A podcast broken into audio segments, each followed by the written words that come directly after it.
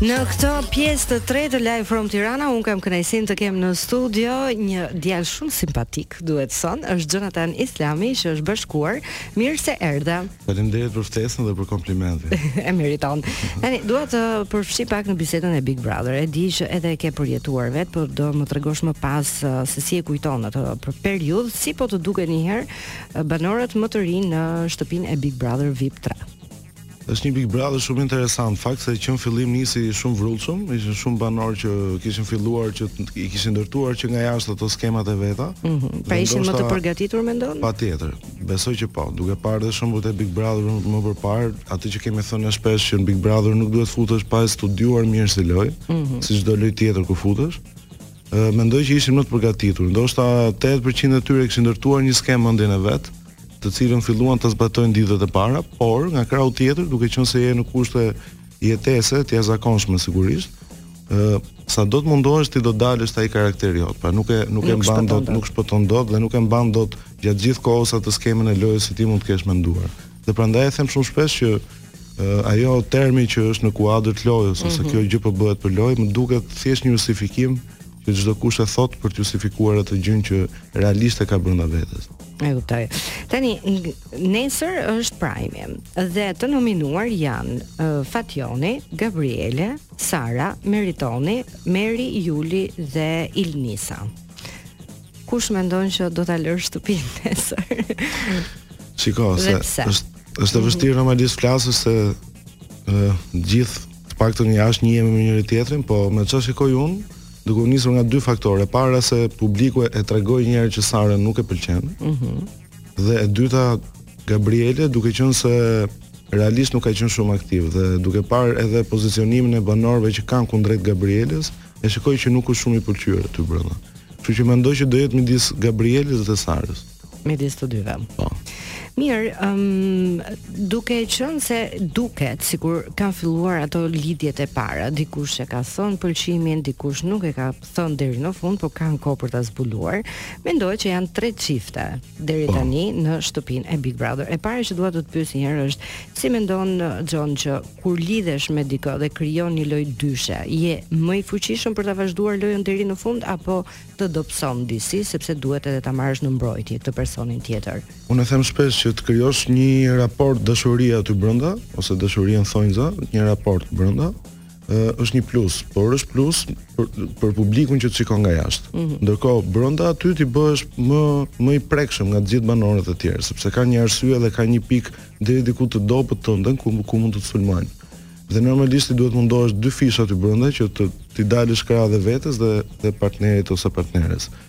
Por nga jashtë është një plus i madh, është një avantazh në lojë sepse publiku i duan këto histori. I duan këto histori, ngordhin për të parë pak histori dashurie. Siç është ajo mania për të parë çdo gjë se çfarë bëjnë banorët brenda, një histori dashurie është një plus i madh në syrin e publikut. Mm -hmm. Dhe që kur e pashë Bigun fillim javën e parë, e pashë, e vura re këtë tendencën për të krijuar çifte, mm Dhe është e sigurt që do jetë një një Big Brother me shumë çifte brenda, një një Big Brother dashurish. Pra nuk do jenë vetëm këta të tre që po mendohen dhe po përfliten, por do ketë dhe të tjerë. Kam përshtypjen do ketë dhe të tjerë. Okej, okay, do ta diskutojmë.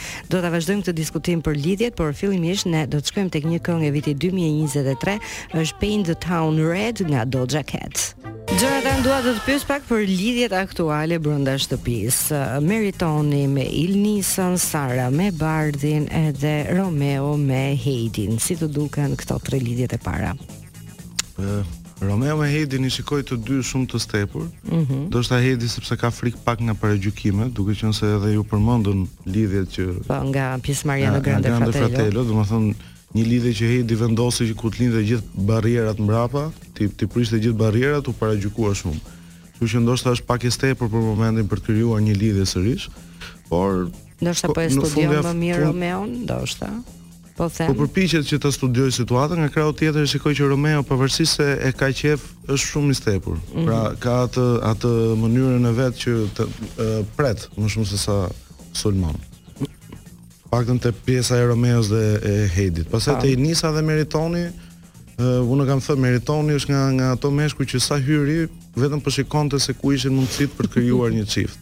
Dhe qëlloi Ilnisa pak më e shkathët se vajzat e tjera, po mund të ishte kushdo nga vajzat që do i afrohej Meritonit. Ëh. Mm -hmm. Që mendoj që është thjesht diçka për të kaluar kohën aty brenda, që fundja nuk ka asgjë të keqe, se në bashkëtesë janë të gjithë me njëri-tjetrin.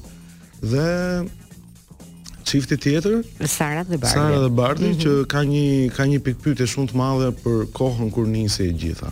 Pa. Po. Sepse Sara sa mori vesh ishte në, në nominim e, e, e shprehu që kishte shumë frikën e nominimit dhe direkt ditën tjetër zgjodhi që të afrohej shumë me Bardhin.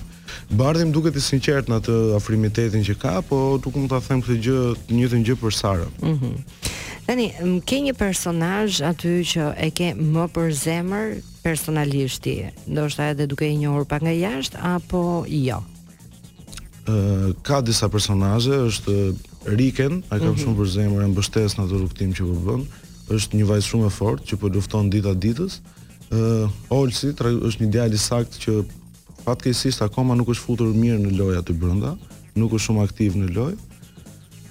Këto dy personazhe do veçoja dhe më ka pëlqyer me komentet e veta dhe me urtësinë që ka Arta.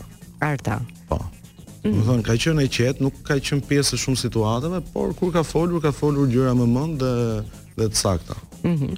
Po, cilin prej këtyre banorëve që janë aktualisht e sheh më gjatë brenda shtëpisë së Big Brother?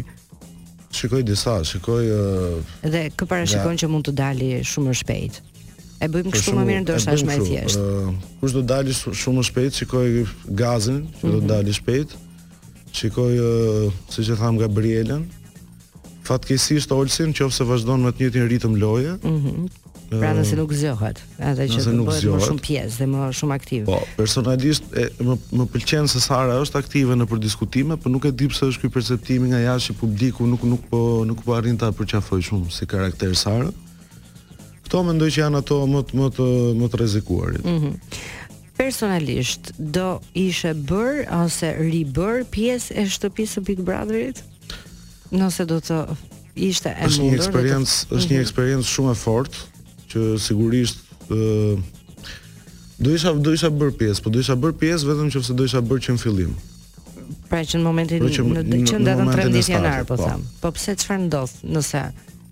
Po po hamencoj ë. Ti futesh në një garë, ti mhm. futesh në një garë ku konkurrentët e tu kanë kanë bërë disa xhiro mhm. dhe ti futesh disa xhiro mbrapa, është kaq e thjeshtë. E kuptoj, dhe të duhet që të ecësh pak më shpejt për të arritur temporizmin e tyre. Për të arritur ritmin. Kjo është e vështirë. Por nga krahu tjetër që të futesh të bësh të bësh pjesë e një eksperience të tillë, duhet të lësh pezull çdo gjë jashtë që është një të paktën për momentin ku jam unë është shumë e vështirë që të ndodhi.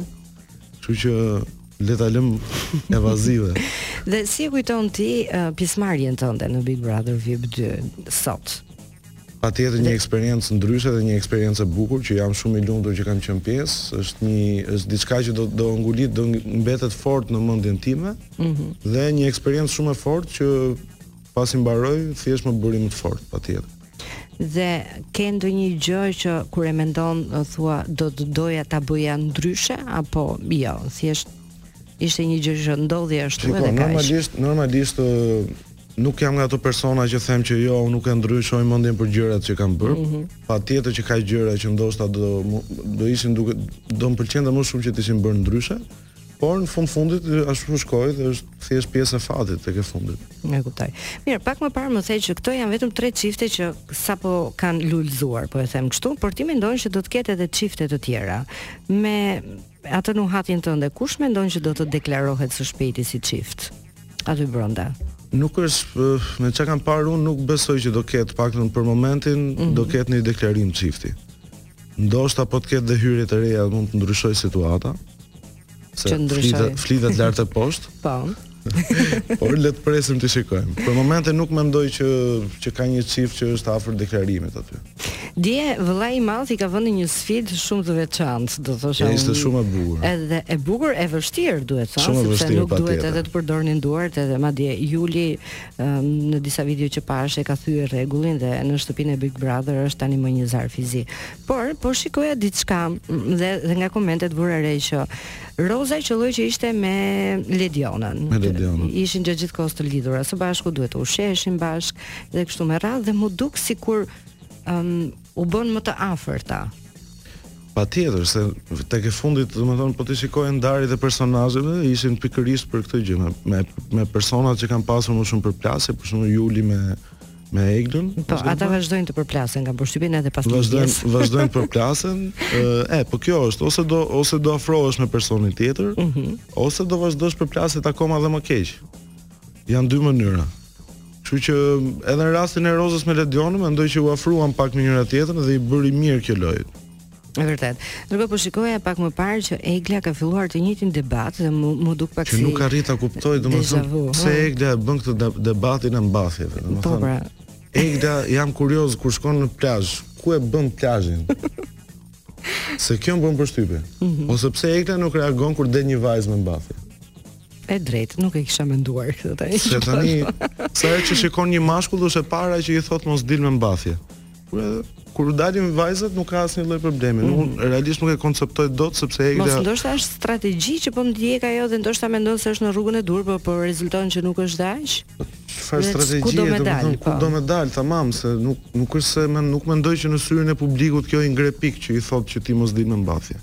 Se tek e fundit ti je në një shpi, meshkujt aty do ndrohen, meshkujt aty do bëjnë dushe. Jo dhe të mendosh që është një aktore që është mësuar që në kushte të caktuara duhet kur ke një shfaqje dhe që çdo gjë është shumë e shpejtë, duhet të ndrohesh aty pa pyetur se kë ke aq më tepër, aq më tepër kjo që thatë ju që për për sa kohë është aktore dhe është mësuar me kolektivin me me këto me ndrimet brenda skenës, nuk e kuptoj realisht, më duket më duket pak e shtirur dhe kjo pjesa e debatit që bën me mbathje që vazhdon ta përsërisi.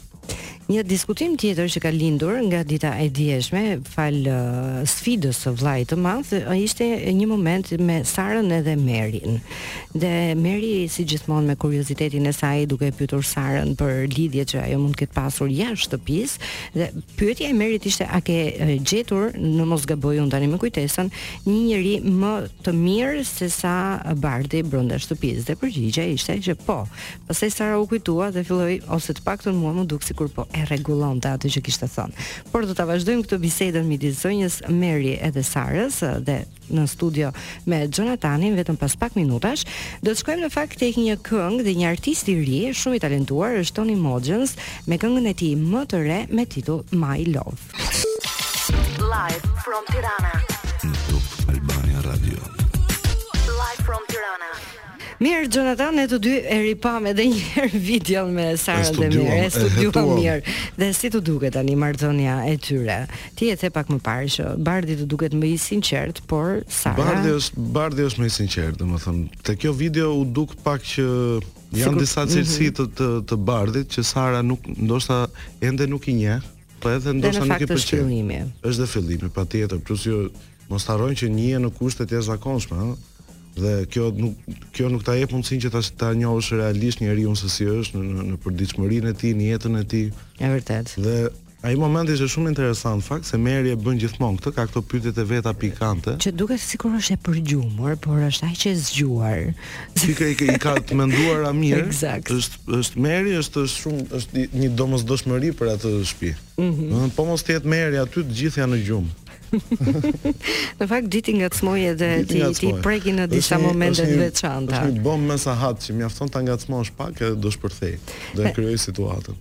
John, përpara se të kaloj tek disa gjëra shumë të rëndësishme që kanë lidhje me profesionin dhe me dashurinë tënde që është parashutizmi, nëpër rrjete sociale ka filluar edhe kjo, po them, krahasimi, apo po shohin disa personazhe brenda shtëpisë së Big Brother sikur uh, jo po imitojnë, por po u duket sikur e kanë studiuar më përpara lojën e disa personazheve që kanë qenë në Big Brother VIP 2. Dhe paralelizmi i parë që mua më ka tërhequr vëmendjen ishte që Ilnisa duket sikur ka studiuar me vëmendje lojën e Oltës, edhe ka një sjellje si Olta Gixhari, apo Julin e paralelizojnë shpesh herë me Luizin. Donaldi dhe Romeo, ok, sepse janë të dy janë vëllezër, kështu që duket ndonjëherë sikur vazhdon të jetë Donaldi brenda shtëpisë. Sarën për shembull e kanë paralelizuar me Efin edhe kështu me radha. Të duket ty sikur janë kanë një lloj lidhje, pra këta i kanë apo studiuar pikërisht këta personazhe. Pavarësisht se Donaldi dhe Romeo do do paralelizohen bashkë sepse sigurisht janë janë vëllezër, po mendoj që kanë ndryshime me njëri tjetrin. Kanë shumë ndryshime kur vjen pjesa te loja te te gjëja që ato thonë. Ë, për shembull, rasti i Julit me Luizin janë ndoshta prejardhja, origjina e tyre i bën që të ngjasojnë shumë sepse e dim gjithë batutat e e, e Shkodrës janë janë perla, perla. Mm -hmm. janë gjithmonë perla. Po Julin realisht nuk e shikoj shumë afër lojës së Luizit, ë, ndoshta patjetër që i kanë studiuar. Kjo është e sigurt. Kush është futur këtë vit, është futur mbasi ka bërë një studim shumë të mirë të Big Brother 2-shit. Dhe jo vetëm. Mm -hmm. Patjetër dhe Big Brother të tjerë. Ose te pjesa tjetër e Inisës dhe Oltës nuk mendoj që ngjajnë. Ë, ndoshta është bërë nuk ky paralelizmi duke parë ndoshta edhe ngjashmërinë fizike ose nuk e di, po mm -hmm. nuk mendoj që ngjajnë. Nuk mendoj se ka një lidhje dhe me Sara, Sara me Efin besoj se po.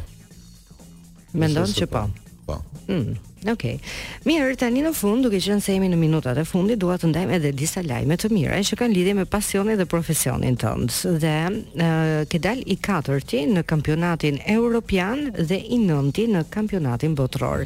E para një herë urime dhe suksese dhe më trego pak se si ishin të dyja këto eksperienca dhe ka lajme të mira përveç këtyre. Normalisht ë Si çdo sportist tjetër, kampionati evropian dhe botëror është synimi më i lartë i çdo viti. Organizohen një vit është botërori, një vit është evropiani. Ë mm -hmm. gjatë deri deri më tani, karriera ime ka ardhur në në ngjitje dhe këto ishin dy momentet më kulmore të karrierës time, para dy vitesh ku dola i katërti në evropian dhe vjet ku dola i nënti në botëror midis 120 pilotëve më të mirë nga gjithë bota. Bravo. Sigurisht që është një jam krenar për këtë gjë, por Duke qenë se se jam në ngjitje në karrierë, dua të shikoj se deri ku do shkoj.